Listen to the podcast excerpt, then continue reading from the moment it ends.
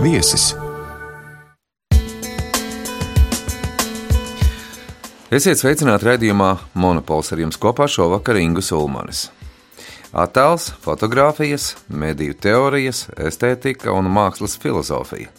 Tik plašas ir mūsu šī vakara monopola pētnieciskās intereses tam dēļ, nu jā, lūdzu, tālāk kā īpašs eksperts, lai saprastu, kā neapjukt un varbūt pat atrast sevi pasaules filozofijas daudzveidībā. Mūsu viesis - filozofijas doktors un publicists Kārlis Vērts. Labvakar, Kārli! Vakar! Šorīt lasot tavu pētniecisko rakstu par vīrietību, ko tu savulaik veici sieviešu tiesību NVO organizācijas Marta paspārnē. Tiklīdz tā aizdomājos pie sevis par vīrietību, par ko nesevišķi bieži tā nākas padomāt, uzreiz no blakus istabas man sieva sauc, ka Zeķu bikses esot tik trauslas, ka viss tiek darīts pret sievietēm, no, ka viņām vienmēr tās ir jāpērk. Un es pie sevis domāju, nu, kas tas ir? Kas tā ir par pastāvīgo cīņu, kuru mēs katru rītu uzsākam? Um, nu, pirmkārt, droši vien jāpar, jāprecizē, ka projekts uh, Martas, uh, Martas paspārnē vēl ar vienu turpinās, kas ir. Uh Kā jau teici, uh, uh, savā ziņā veltīts vīrietības vai vīriešu temata izjautāšanai. Kādā ziņā, ko nozīmē būt vīrietim vai vīriešiem? Ja, jo vīrieši arī ir dažādi. Šodien pat vakarā Kaņepes kultūras centrā ir paredzēta diskusija par vīriešu ķermeni, respektīvi tādā nozīmē, vai tajā, kas un kādi ir vīrieši, savu lomu spēlē bioloģija, ķermeniskums vai ķermeņa izpratne, kā teiksim, sabiedrībā ir pierasts saprast. Nu, teiksim, Nu, mēs vīriešu ķermeni apskatām viņu spoguli. Jā, arī ķermeni. tā ir skaitā. Tieši tā.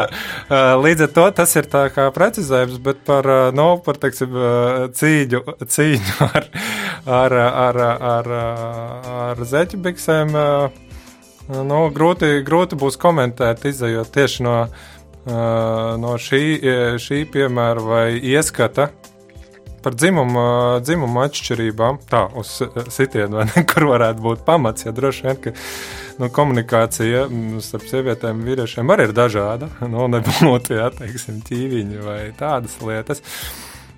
Bet nu, jā, nu skaidrs, ka atšķirības pastāv. Uh, par to acīm redzot, arī nešaubā. Uh, Bet, nav šaubu tikai kādas un uh, uz kā pamata. Jā, tu zini, Kārli, mēs te ar tagad divi vīrieši sarunājamies savā starpā. Un, nu, nav jau izplatīts, ka divi vīri nosēžās un kur nu vēl runā par emocijām, par jā. kaut kādām, nu, tur nezinu, asarām, ja, ko katrs ir pārdzīvojis. Nē, esam tā ieslogojuši sevi kaut kādos tādos slazdos, un tad visu mūžu cenšamies no tā cietuma izkļūt ārā. Nav tā, ka esam paši sevi ieslodzījuši savā vīrietībā. Nu, ja tu jautā man, tad es uh, droši vien uh, šajā aspektā atbildētu, ka tas ir uh, noteikts ierobežojums. Manuprāt, ko nosaka, uh, nosaka tas, kā sabiedrībā ir pieņemts, nu, kādiem, uh, kādiem būtu jābūt, uh, kādam būtu jābūt vīrietim, uh, tev kā vīrietim, un tas droši vien. Vismaz mūsu sabiedrībā, vismaz domājot par savu pieredzi, draugu, draugu vai sarunām tieši ar vīriešiem, ka, teiksim, emocionālā dzīve. Jūtas, vai pat tādā līmenī, es domāju, pat ne, nu, tur uh, uzreiz jā, raudāšana, kur nu, bet no, nu, tādā ziņā, kā emocionāla pieredze kā tāda, nu, ko tu jūti, ko tu pieredzi dažādās dzīves situācijās, ka tas nav saruna temats, man liekas, tādā ziņā vīrieši tiešām ir, uh, nu, jo var atļauties tādu vispārinājumu, tad ir apdalītāki. Ja? Mm. Jo tas tomēr ir ārkārtīgi interesants lauks, par ko runāt. Ne? Arī nu, ar draugiem, ar, ar, ar līdzcilvēkiem. Un uh, bieži vien pat daudz interesantāks par ja, starp vīriešiem, varbūt tipiskākām tēmām, kas ir sports, uh, politika, ja, nezinu, pasaules kaut kāda notikuma, kas ir salīdzinoši distancētāks tēmas nekā tas, kas notiek mm. katrā pašā. Uh, Ne? Un eh, tas, tas visdrīzāk ir viena no lietām, no kuras eh, vien, viens no konkrētiem piemēriem, ko es eh, redzu kā tādu, kas kas, nu, ko būtu vērts mainīt arī nu, sabiedrībā vai arī attiecībā uz sevi. Bet man kaut kas liekas ar vispār patiesības, tādas iekšējās patiesības izpausmu uz ārpusi, jo tas, kas patiesībā vīrietis ir iekšpusē un ko viņš domā par sevi, ir absolūti kaut kas cits, kā viņš ār, ārēji izpaužās, kā stingrie sporta piekritēji kaut kādās, nezinu, parastajās izpausmēs. Bet, ja mēs nu, nedaudz filozofiski ierunājamies par to, kas tad ir varbūt arī domātājs un filozofs, un es tev arī piesaku kā filozofijas doktoru, nu, tad man šķiet, ka filozofam jābūt vienam kārtīgam, vismaz eh, raksts, raksts, un tad atkal raksts par reliģiju. Un ar reliģiju nees nekādā, un vispār varbūt mūsdienu filozofija nav nekādā sakarā vairs. Nu, es neteiktu, gan, ka tā, gluži tā, bet no šajā gadījumā es nebūtu. Nebūtu tas, kas par to varētu spriest, jo nu, tādā nopietnā pētnieciskā līmenī ar reliģijas tiešām reliģijas tēmām neesmu nodarbojies. Es domāju, ka no, Atbildēt varētu, varētu tā, ka mūsdienās filozofam nav uzdevums domāt arī par reliģiju obligāti vai spēt, spēt uh, atbildēt par šiem jautājumiem. Varbūt nu, kaut kādā ziņā viņam būtu jābūt personiskam viedoklim, pamatotam, argumentētam viedoklim, bet nu, tādā pētnieciskā līmenī droši vien, ka nē, es to daļu arī pabeigšu domu. Šī atbilde e, ir arī studija ietekmēta tādā nozīmē, ka kaut kādā aspektā, nu, teiksim, ja man jautā par reliģiju, tad es e, varbūt kā filozofs vai, vai daudz maz pretendējošs uz daudz maz argumentētu un objektīvāku skatījumu, izvairos atbildēt. Tas, kas, teiksim, ja man jautā, personisk, personiskāku viedokli, tad skaidrs, ka kaut kādā nozīmē reliģiozitāte, ar to es ikdienā saskaros, un kā tēma tā ir bijusi būtiska. Bet to es neesmu risinājis nu, tādā akadēmisku rakstu, mm -hmm. akadēmisku tekstu līmenī. Bet vispār tādas konceptualitātes saskatīšana ikvienā lietā nav filozofijas viens no uzdevumiem. Iespējams, es tieši nu, tad, kad nu, tā droši vien uh, viegli labāk pieteicu sevi šim rādījumam, kā filozofu. Es domāju, kārtējo reizi par to, ar ko tas ir raksturīgs, ja, ar ko ir iezīmīgs šis. Nu, Būšana par filozofu, un viena, viena no lietām, bet tā ir pilnīgi noteikti kopēja ar citām humanitārām vai e, arī eksaktām, tiksim, zinātniskām nodarbēm, tā ir konceptualizēšana. Un, nu, šajā gadījumā varbūt parocīgāk salīdzināt ar mākslu vai mākslas darbiem, kurā visdrīzāk primārais, pat konceptuālā mākslā, es mēģinātu apgalvot, ir intuitīvais. E, nu, netik daudz spēja lietu izklāstīt ļoti precīzi un pēc iespējas argumentēti, attiecīgi, teiksim, uzstādījumu ietvaros. Uh, bet ko teiksim, izstāstīt līdz galam nav iespējams, vai kur pat teiksim, tāda konceptuāla pieeja, skaidrošana, sakārtošana varētu skādēt, ja teiksim, nu, jūs mākslu uh, izskaidrojat, tad filozofa viens no uzdevumiem pilnīgi noteikti saistās ar konceptuali, konceptualizēšanu, konceptu radīšanu kaut kādā nozīmē, ar ko iespējams filozofs varētu atšķirties teiksim, no zinātnieka. Ja, ja zinātnieks uh, pamatā darbojās noteikti konceptu ietvaros, nu, tieši tāpēc mm -hmm. arī ir iespēja viņa darbība, viņa pētniecība, tad viena no tādas filozofa uh, var būt vēl ar vienu nezaudētām, ja mūsdienu, uh, mūsdienu teiksim, apstākļos tam priekšrocībām vai uzdevumiem ir arī konceptu izvērtēšana, pārvērtēšana, varbūt arī radīšana. Ļoti labu tēmu vispār. Nu, kaut kā man aizdomājos par to, ka nu, pats vārds filozofija, kurš cēlies no diviem grieķu vārdiem eh, - gudrība un mīlēšana. Ja? Jā. Tas ir tas Varbūt tā atbilde arī tādā, nu, tu pats esi, piemēram, rakstījis arī par izglītību. Varbūt tā ir atbilde, kā mums tik ļoti nodala šo humanitāro un eksakto pozīciju mm. un sadala to un nevis apvieno, mm. kas varbūt ir pavisam nepareizi ikvienā nozarē. Vai tā būtu māksla, vai tā būtu zinātne, mm. vai tas būtu jebkas praktisks, vai kaut kas netik praktisks. Mm -hmm.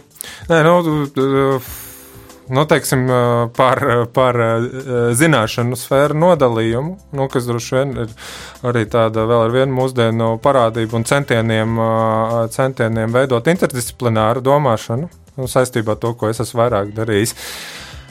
Studijās tas ir fotografija un vizuālās kultūras pētniecība. Tas ir no, nu, tāda kustība, kas noris, respektīvi, uh, Nu, ja varbūt 20. gadsimtam bijis raksturīgi e, šo zināšanu dalīšana pa dažādām sfērām vai izpēta, kam arī ir ļoti pozitīvs, teiksim, pozitīvs.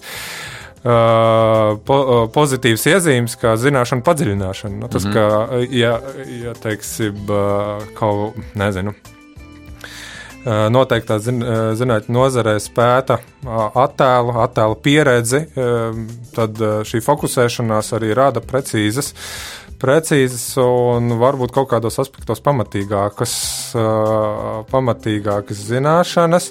Tāpat laikā, jā, tas, kā to arī saki, viena no lietām, ka zūd varbūt tāds sasaista un pārskats, kāpēc vispār, teiksim, atsevišķi pētījumi ir vajadzīgi, vai ko tie dod kaut kādā kopējā satvarā, un tad šis, nu, šī kustība uz kopīgo vai, nu, no, sasaisti, ko mēdz saukt arī par inter, interdisciplinaritāti, tā visdrīzāk arī šodien ir viens no izaicinājumiem, ja?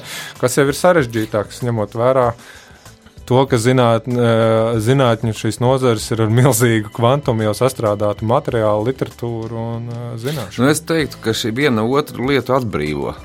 Nu jā, tad daudz vieglāk ir gan vienā justies, ja tu kaut ko zini, un, un tieši pretēji. Mums šī vakara viesis monopolā - filozofijas doktors un publicists Kārlis Vērpe.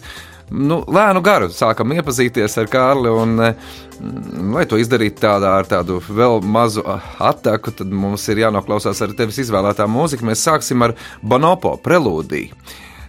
Tu varbūt vispār vari raksturot, kādu mūziku tu klausies un, un ko mēs šovakar klausīsimies. Jā, tas ir. Āķīgs jautājums, jo pamatējuši nu, raidījumam izvēlējos. Izlasīju gabalus no mūzikas, ko es šobrīd nu, vairāk vai mazāk klausos, un kas, teiksim, salīdzinoši ar to, ko es esmu klausījies iepriekš, varētu būt salīdzinoši neraksturīgi, kas ir trip-hopa, glitch-hopa mūzika, un kas ir vairāk instrumentāla, mazāk. Uh, vokāla, kas kaut kādā ziņā varbūt arī ir zi, zi, vienā aspektā atgriešanās pie jaunības interesēm, nu, kur var līdzības saskatīt ar prodigiju un tādu veidu mūziku. Un, um, nu jā, tas varbūt tāds plašāks uh, komentārs, bet uh, tas, kas uh, šajā mūzikā piesaista un kāpēc arī ir uh, Astors Piecola gal galā dodot tādas varbūt salīdzinoši tradicionālāka galva vai no tango mūzikas. Kad, nu, šī mūzika, kurā ļoti izteikts ritms un uh, kaut kāds uh, ritmiska. Zinu, tev gribas dejot. nu jā, tieši tā.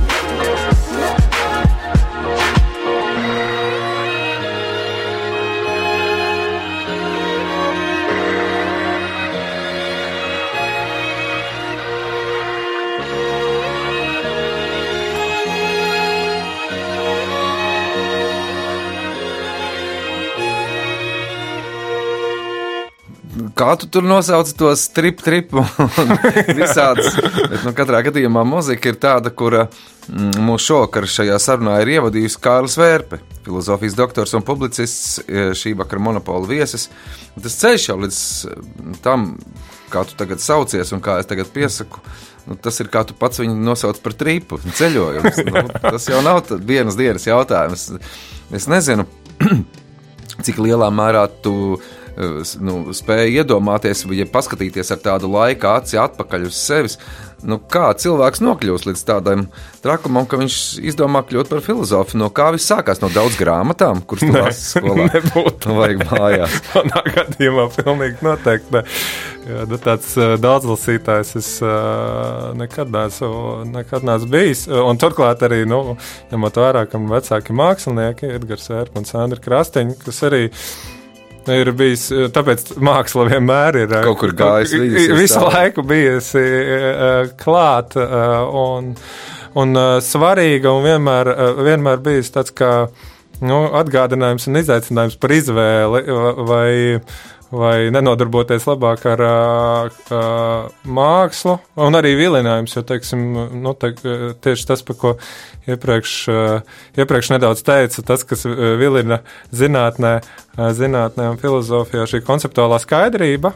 Nu, tur diezgan uh, sakārtotas lietas, argumentētas lietas, tad mākslā ir tas, kas ir šis intuitīvais un materiālais mm. darbība. Uh, Vai dēļa kaut vai arī, kas ir ķermeniska rīcība un darbība, kas varbūt tādā izteikti nopietnā akadēmiskā rīcībā ir ļoti re reducēta.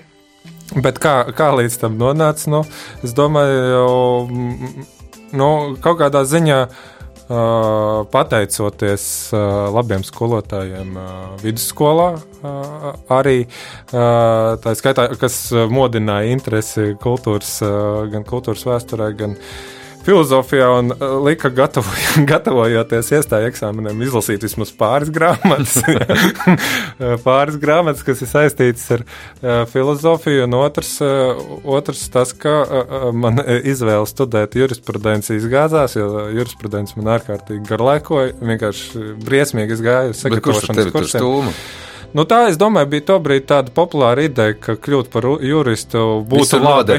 Jā, nu, tie, nu, jā, ir, nu, tie ir 2000. sākums, un vecāki, protams, nu, varbūt pa juristu, nu, ko, kurš tad no mākslinieku, vai ne? Kaut man godīgi sakot, nelikās tik, tik, tik slikti tā, tā, tā izvēle, un tad, nu, jurisprudences gāja sagatavošanās kursiem. Uh, kas, kuras vienmēr uh, miru nost no garlaicības, un otru, nu, tā kā ir skaidrs, skaidrs ka nav slikti izvēlēties divas, uh, divas variantus, no otru filozofiju, bet tikai, nu, tādu otru versiju, ja, ja, nu, ja, un filozofos tiku, tiku, tiku budžetā.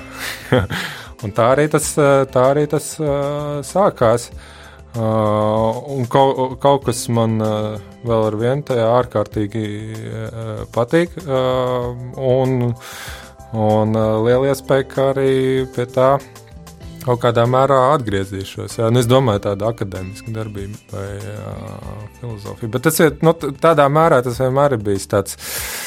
Uh, diezgan pagrūts, uh, pagrūts jautājums. Nu, ja mēs tiksim atkal pafilozofējam un runājam, un ja turpinājam iesākt to, ko pašā sākumā, tad tomēr man ir tas jautājums, ka varbūt ka nevis tu atgriezies pie filozofijas, bet tu atgriezies pie mākslas, jeb tu paliec pie mākslas. Nu, kaut kādā, jā, ja filozofija ir māksla, piemēram.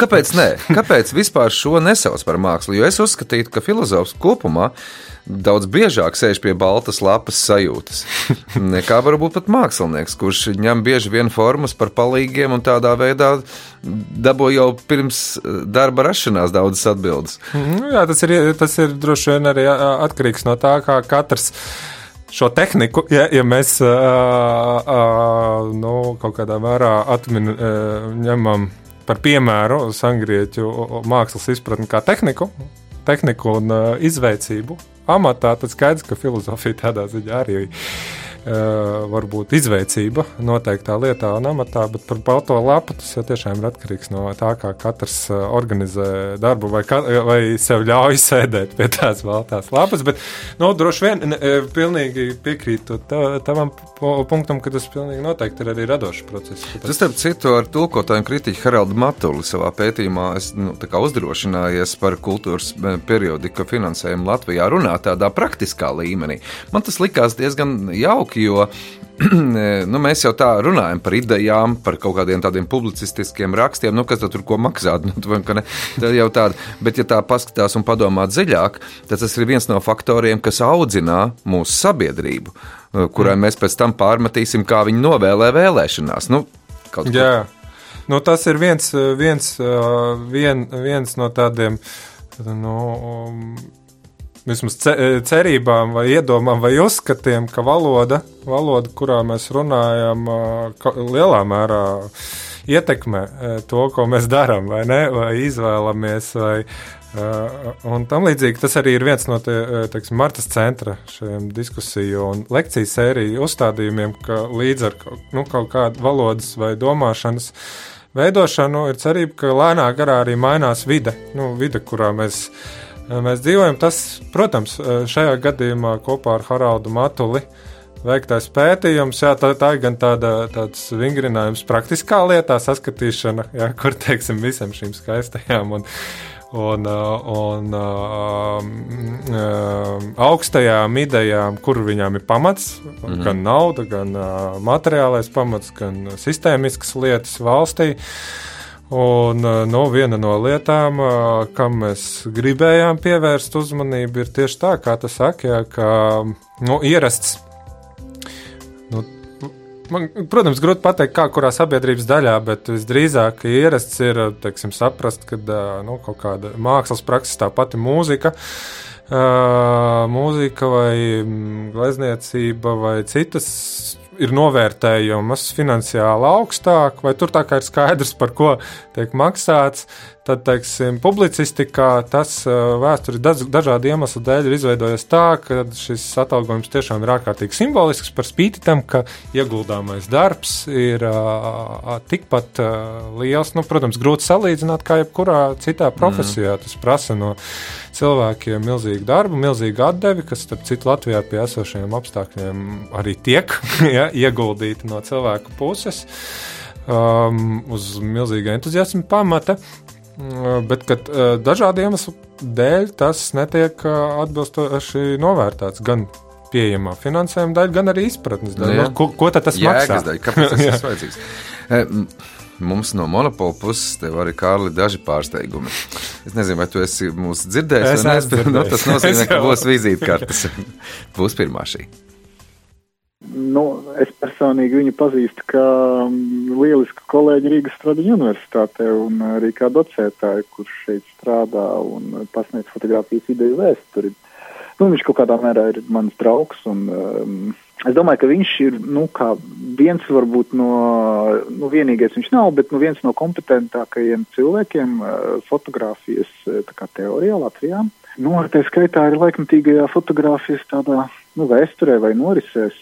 Tādā ziņā nu, ar to man asociējas Kārlis. Un, eh, bet viņa tās kompetences, kas man ļoti šķiet simpātiskas un interesantas, ar viņa tā publiskā aktivitāte, tā kā nu, pārkāp pāri tām fotografijas, protams, mēdīja tikai aktualitātēm un kaut kādām vēsturiskajām norisēm. Viņš, eh, cik es zinu, tagad nodarbojas ar maskulinitātes eh, nu, diskutēšanu, ja tā var teikt. Un tas ir bezgalīgi interesanti arī. Varbūt es tādā novēlējuma formā varētu teikt, ka es ar lielāko prieku gribētu beidzot sagaidīt no viņa monogrāfiju par uh, fotografijas vēsturi uh, Latvijā, kas būtu, man liekas, tas viņa, nu, lieliskais varētu būt pienesums. Tas izklausās, ja tu saki par kādu, ka viņš ir plašs profils speciālists, tas izklausās smieklīgi, bet realitāte ir tā, ka Kārlis, eh, nu, ir specializējies tiešām, cik jau nezinu, vizuālās kultūras dažādos procesos un parādībās, tā skaitā, nu, kur gan tādā teorētiskā, gan arī tādā laikmatīgā griezumā.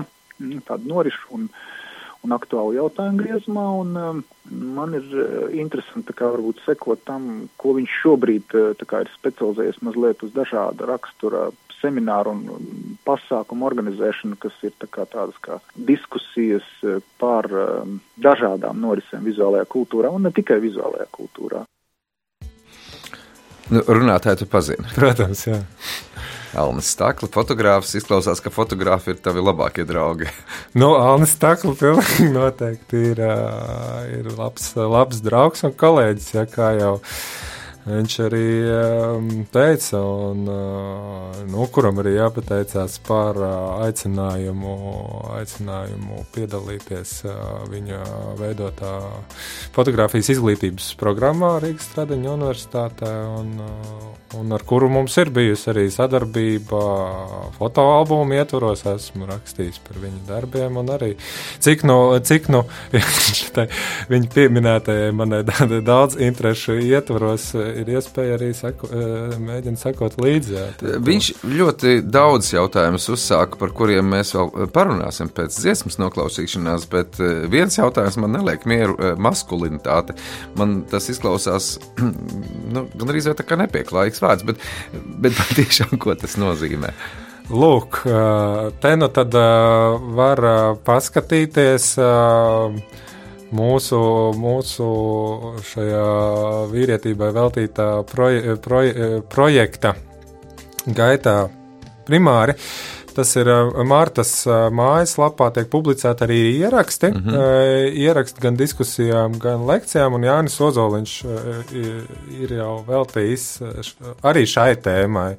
Lekcija, bet ļoti īsi, jo nu, tas tiešām viņš šajā ziņā ir lielāks, ir eksperts, kas par to arī mēģināja jau domāt, nošķirot maskulinitāti no vīrietības. Un, Un uh, ar maskulinitāti uh, saprotot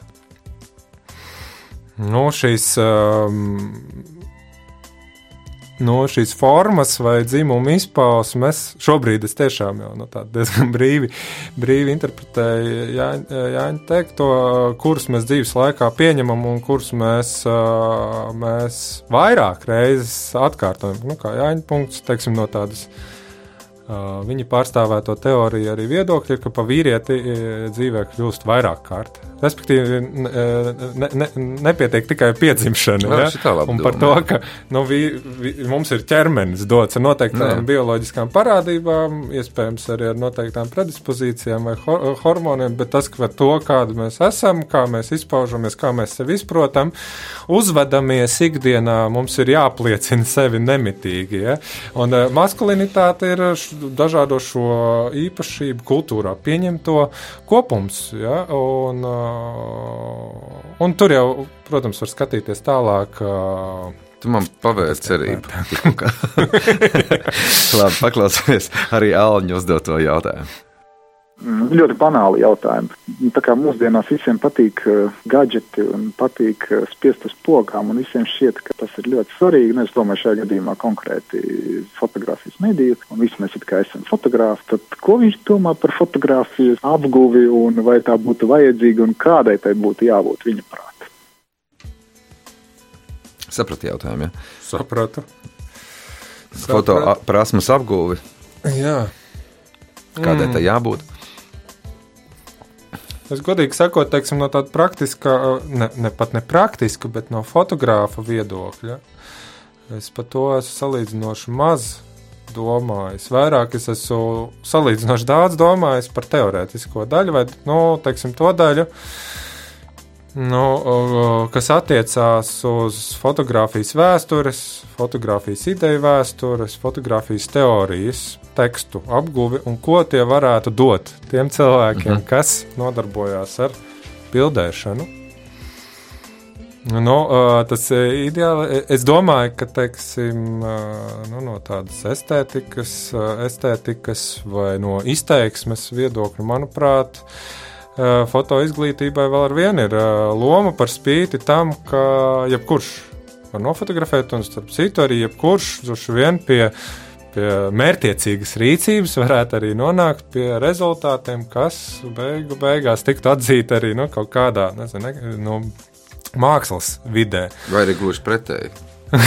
Nē, gluži pretēji lielākoties gan tas, ko es bildēju, un, un, un, un citi, bet šī problēma, ko min Alans, jau principā, kā viņš pats arī zina, ir izcena fotografijā līdz ar, līdz ar, līdz ar rokas kameras izgudrošanu, mm -hmm. par ko fotografija ir cepušies ja, no laika gala, par to, ka acīm redzam, to var izdarīt jebkurš. Bet, Bet uh, tomēr liekas, ka nu, uh, ir sarežģītāk varbūt kā ar uh, tekstu vai literatūru, kur daudz maz, man liekas, šis jautājums nerodās. Kāpēc, teiksim, uh, nu, cilvēkiem ir jāapgūst rakstīt vai jālasa grāmatas, lai viņi kļūtu labi uh, rakstnieki, varbūt nu, ir kāds tik talantīgs, eh, ka nav tik jālasa, var rakstīt ļoti, ļoti labi. Eh, bet fotografijas gadījumā šis jautājums vienmēr atgriežas. Ja, jo mm. it kā pamatā tās prasmes, nospiest slēdzi, nu, neprasa uh, milzīgu procesu. Bet mans punkts, bū, nu, Aņa jautājums ir viltīgāks. Viņš prasa, ir par to, kādai tai būtu jābūt. Man ir, man ir grūti grūti pateikt, visdrīzāk, ka ne. Ka ne hierarhiskai, nu tādā nozīmē, ka būtu kaut kāds noteikts kvantums zināšanu, kurš ir jāapgūst, bet kur kaut kāda kvalitātes kritērija droši vien pastāv. Mm -hmm. nu, ar piemēriem, kurus attiecīgie pedagogi uzskata par, par kvalitatīvu vizuālu izteiksmi Un uh, kas tādā mērā gan uh, fotožurnālistikā, ļoti uh, praktiskās arī izpausmēs, tad pašā reklāmā kaut vai var arī iespējams mainīt, ja nesaka uzlabot veidu, kādā vizuāli tiek komunicēts. Tas, manuprāt, tiešām ir būtiski. Tagad mēs šeit monopolu esam uzsākuši jūs, jo pēc tam diskusija ar Alnu pēc tam droši vien tālāk par šo jautājumu. Un tiešām jautājums ir būtisks. Es arī aizdomājos, kā es atbildētu uz to visu, bet tas, lai paliek šīs nākamās dziesmas, tā lielākā doma - Gogo. Es, es, es, es nezinu, varbūt tas nav pingvīns. Gogo pingvīns. Hoponopo nu, pietiekoši gan grupas nosaukums, gan dziesmas nosaukums e, intriģējoši, lai noklausītos un tad arī turpinātu ar kādu sarunu.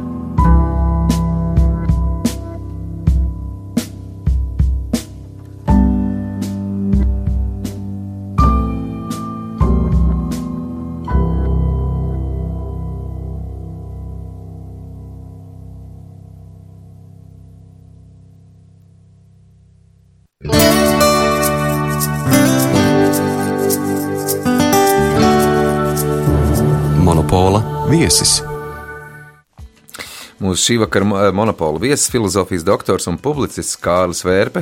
Nu, tomēr nevar nepaturpināt par to, ko Alans Staklī iesāka runāt. Vizuālās kultūras specializācija ir lieta, kur tevi aizrauja visvairāk. ko tas ietver vairāk? Tomēr video, fotografija. ko vispār šī vizuālā kultūra nozīmē tavā mācībā? Nu, vizuālā kultūra ir ļoti daudzveidīga. Primāri Nu, tas pats sākums bija fotografija. Bet ir saprotams, ka mūsdienās ir sarežģīti vai ne, neiespējami par vizuālo kultūru domāt tik, tik fokusēti. Un uh, tikai koncentrējoties uz vienu mēdīju, ņemot vērā, ka internetā vai datorā vai nu, ja kur citur vidi ir multimediāli un mm. attēli, mēs mēs uh, skatāmies attēlus dažādus, ja, gan fotografijas, gan gleznas, gan uh, kino, video, ļoti dažādas uh, modalitātes video, kas man liekas, tas ir viens no ārkārtīgi interesantiem jautājumiem, cik mēs, uh, man liekas, nu vismaz es un, uh, un citi cilvēki mūsdienās strauji pārvietojās starp dažādām attēlu pasaulēm spējot saglabāt gan, savu apziņas integritāti, ja, kas man ir liekas ārkārtīgi fascinējoši. Jo katrā no no, no dažādiem attēliem. Tas, tas ir cits mods, reklāmas attēls, ģimenes bilde. Nu, ko, kas tiek attēlots, kādā veidā tas mm -hmm. ir jāskatās un cik mēs zibenīgi ar to tiekam galā. Un cik šīs dažādas sfēras ir atšķirīgas, teiksim, kaut vai saistībā ar ar to, cik tās ir faktiskas un cik tās ir saistītas ar imagināro vai iztēloto kā mm, reklāmā. Jā. Nu, taču nav gluži tā, ka cilvēki nesaprastu, ka reklāmās rādītās vides un tās būtu iztēlotas, ja, ka tas būtu kaut kas. Par spīti tam, ka tas iedarbojās, vai ne? Un tas, ka pēc tam tos gadgetus gribās nu, iegādāties, nu, teiksim, tas pats Alnis droši vien par fotoaparātiem to varētu teikt un atzīt. Nu, te tiešām nebūtu jākaunās vai par kaut kādām citām lietām. Skaidrs, ka šajos dažādajās attēlu pasaulēs vai vidēs uh, ir citi noteikumi, un cik mēs veikli uh, pa tām pārvietojamies. Līdz ar to, uh, noslēdzot garu atbildi, sākotnējā interese un nu, izteiktākā interese bijusi par fotomēdiju. Bet tas ir arī papildinājums āņa jautājumam, ka mūsdienās arī ir sarežģīti runāt tikai par fotografiju. Es domāju, ir izglītības līmenī, jo arī teiksim, autora fotografijā ļoti daudz fotografu ietekmējās no kino vai teiksim, nu, fotografijas, kādas viņi vai viņas veido ir uh, cieši saistīts ar to estētiku, kas ir attīstīta tieši kino un plūstošajā attēlā, kustīgajā mm -hmm. attēlā. Bieži vien arī skaņa ir nozīmīga mūsdienās, arī. Arī priekšācis ir nozīmīga skaņa. tieši tā. Nu, es domāju par sikspārņiem. Tas nozīmē, ka viņi redz ar ausīm. Jā, tieši tā. Kā daži pārsteigumi tomēr vēl nav izdarīti monopolu rēdījumā. Vēl viena vizītkārta. Man šķiet, ka Kārlim piemīt īpašība, ko varētu nosacīt, raksturot kā intelektuālo godīgumu. Uh, humanitāri izglītotiem ļaudīm, jo īpaši filozofiem, parasti ir raksturīga tendence mēģināt atbildēt uz jebkuru jautājumu un jebkā, lai tikai nenāktos atzīt, ka viņi varbūt tās īstenībā nesaprot, par ko ir runa. Savukārt Kārlis būs tas cilvēks, kas nekad nebaidīsies, nekaunēsies atzīties, ka varbūt tās kaut kas viņam nav skaidrs, ka kaut kas viņu mulsina, ka kaut kas ir jāiepazīst tuvāk, dziļāk, pirms vispār mēs par to varētu runāt. Tieši šo intelektuālo godīgumu, laikam, es Kārlī arī visvairāk cienu. Kārlis īsnībā sāka kā mīta pētnieks. Es atceros viņa pirmo kursu darbu, ko viņš rakstīja 2002. gada pavasarī, taču diezgan strauji notika izmaiņas viņa intelektuālajā orientācijā, un kopš, kopš tā laika mēs viņu pazīstam kā cilvēku, kuru interesē attēls, ja runājam pavisam konkrēti, kā arī dažādi mākslas procesi, ja runājam plašāk. Tas gan nenozīmē, ka viņu neinteresē arī citas tēmas, citas jomas, kurām viņš labprāt reflektē. Bet nevajadzētu gaidīt, ka viņš uzreiz jums uh, sniegs atbildes uz visiem jautājumiem kā jau minēju, Kārlis ir ļoti godīgs, un viņš var arī atzīt, ka varbūt tās atbilde uzreiz nav pieejama. vai ir kāda filma, neobligāti nesen redzēta, ko viņš varētu raksturot kā tādu, kas uz viņu ir atstājusi lielāko iespaidu kā uz filozofu. Šo runātāju. Nu, protams, skaidrs, kā kad es varētu Reinas nepazīt vienu no saviem sirdsdraugiem. Jā. Re, Reinas te uzdod par filmu jautājumu, nu, kas tev var, varbūt atstājis vislielāko iespaidu, bet nevar būt pat kā cilvēkam, bet kā filozofam. Kaut gan tur grūti mm. saprast atšķirību. Jā, nu, tad man ir, lai nekavētu laiku, jāpaļaujas uz to, kas pirmais nāk prātā, un tas ir Wernera Hercoga. Uh, Wernera Hercoga filmas. Droši vien arī kaut kādā ziņā vairākas, tās, kas ir varbūt pat ne viņa viņa tās, kas skaitās mākslas filmas, cik dokumentāli mākslas filmas, piemēram, The Wild Blue Yanda. Un tas ir tas, kas nāk tiešām šobrīd mm -hmm. pirmais, pirmais prātā, kur, kas, kas man ir.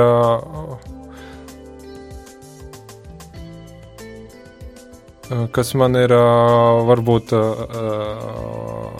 varbūt ir ļoti daudz eh, ļāvis domāt par stāstniecību, stāstniecību un ļoti meistarīga, kurā ļoti spilgta, ļoti spilgta un spēcīga tēlainība uh, apvienojās ar, ar, ar no tādu tiešām humānu, humānu, cilvēcisku un ārkārtīgi ziņkārīgu uh, vēstījumu. Un tiešām ārkārtīgi spēcīgi. Uh, un kurā mijās, uh, mijās šis stāstniecības fikcionālai, fikcionālai elementi ar, uh, ar stāstīšanu par to, kas ir. Ja, ja mēs runājam par godīgumu, Rēņa minēto. Papildinot intelektuālo viņu, godīgumu. intelektuālo godīgumu vai, vai Labs godīgumu. jā. jā. Zini, zini, pirms mēs beidzam, Kārli, mums ir nu, drusku jāuzdejo, kā mēs nu, intelektuāli arī uzdejosim Libertango pie Cola, un tad arī nu, pēdējo jautājumu beigsim sarunu. Labi.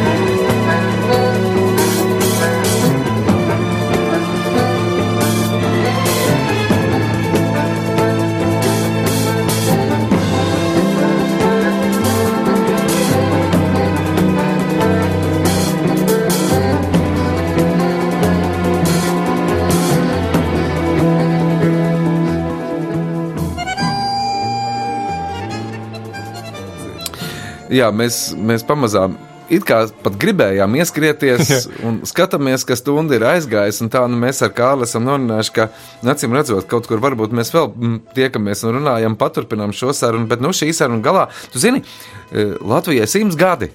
Hmm. Un tad, kad es lasīju tev rakstu par tvaika, panku un grezeli, un tu, tu sev uzdod tādu jautājumu par latvietību un ko ar to iesākt. Un, kā, pats sev saka, nu, es nevirzos ne uz priekšu, ne uz atpakaļ, bet saprotu, simtgade.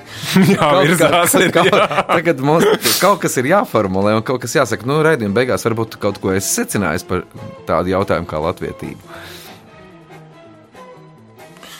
Nē, nu, ir pilnīgi skaidrs, ka, ka valodā un kultūrā ir lietas, lietas, kuras mēs saistām, bet man šobrīd negribētu to sākt uzskaitīt. Uh, Nu, kaut tā pati latviešu valoda, ja, kas ir ārkārtīgi liela vērtība un nu, par, ko, par, par ko man uh, nav šaubu. Un, Un, bet tas, tas drīzāk, kas tas ir, veidojās darot un runājot un plašāk, nevis mums tagad uzskaitot kaut kādā tādā, uh, nezinu, pāris punktos, kas, ka, ko nozīmē būt latvietam, ar ko, ko, ko mēs izceļamies un atšķiramies iepratīm citiem. Man liekas, ka tas arī varētu nebūt tik gana labi, jo tas uh, tas, tas veidot aizvērtu teikt, durvis jebkuram, kas vēlētos oh. iekļauties. Tad labāk atveram viņas simtgadē. Tieši tā. Latvijas. Nu, man liekas, ka laba atbilde šitā varētu būt. Vai es ne? domāju, par ko arī varētu aizdomāties. Nu, tā ir. Laiks ir pagājis, Kārlis. Atgādināšu, ka pie mums šovakar viesojās filozofijas doktors un publicists Kārlis Vērpe. Lasīju arī vēl vienu rakstu par to, kā tu Parīzē, kā tev gāja, un man tas viss sabiedrēja. Es domāju, uz, nu, uzdot, ko tu šovasar uz kurien tu dosies, tad droši vien ne uz Parīzi. Bet, eh, jebkurā gadījumā, novēlu arī uzrakstīt monogrāfiju par fotografijas vēsturi Latvijā, ko Alnis Stakls savukārt novēlēja, un vienmēr būt intelektuāli godīgam. Paldies. Savukārt mēs monopolu atvadāmies šo raidījumu veidoja skaņa režisors Reinis Budze, mūzikas redaktore Dācis Stalidzāna, vizītkartes sagatavoja Ieva Upīte, kopā ar jums bija Josinga Sulmanis. Lai jauks vakars! Atā.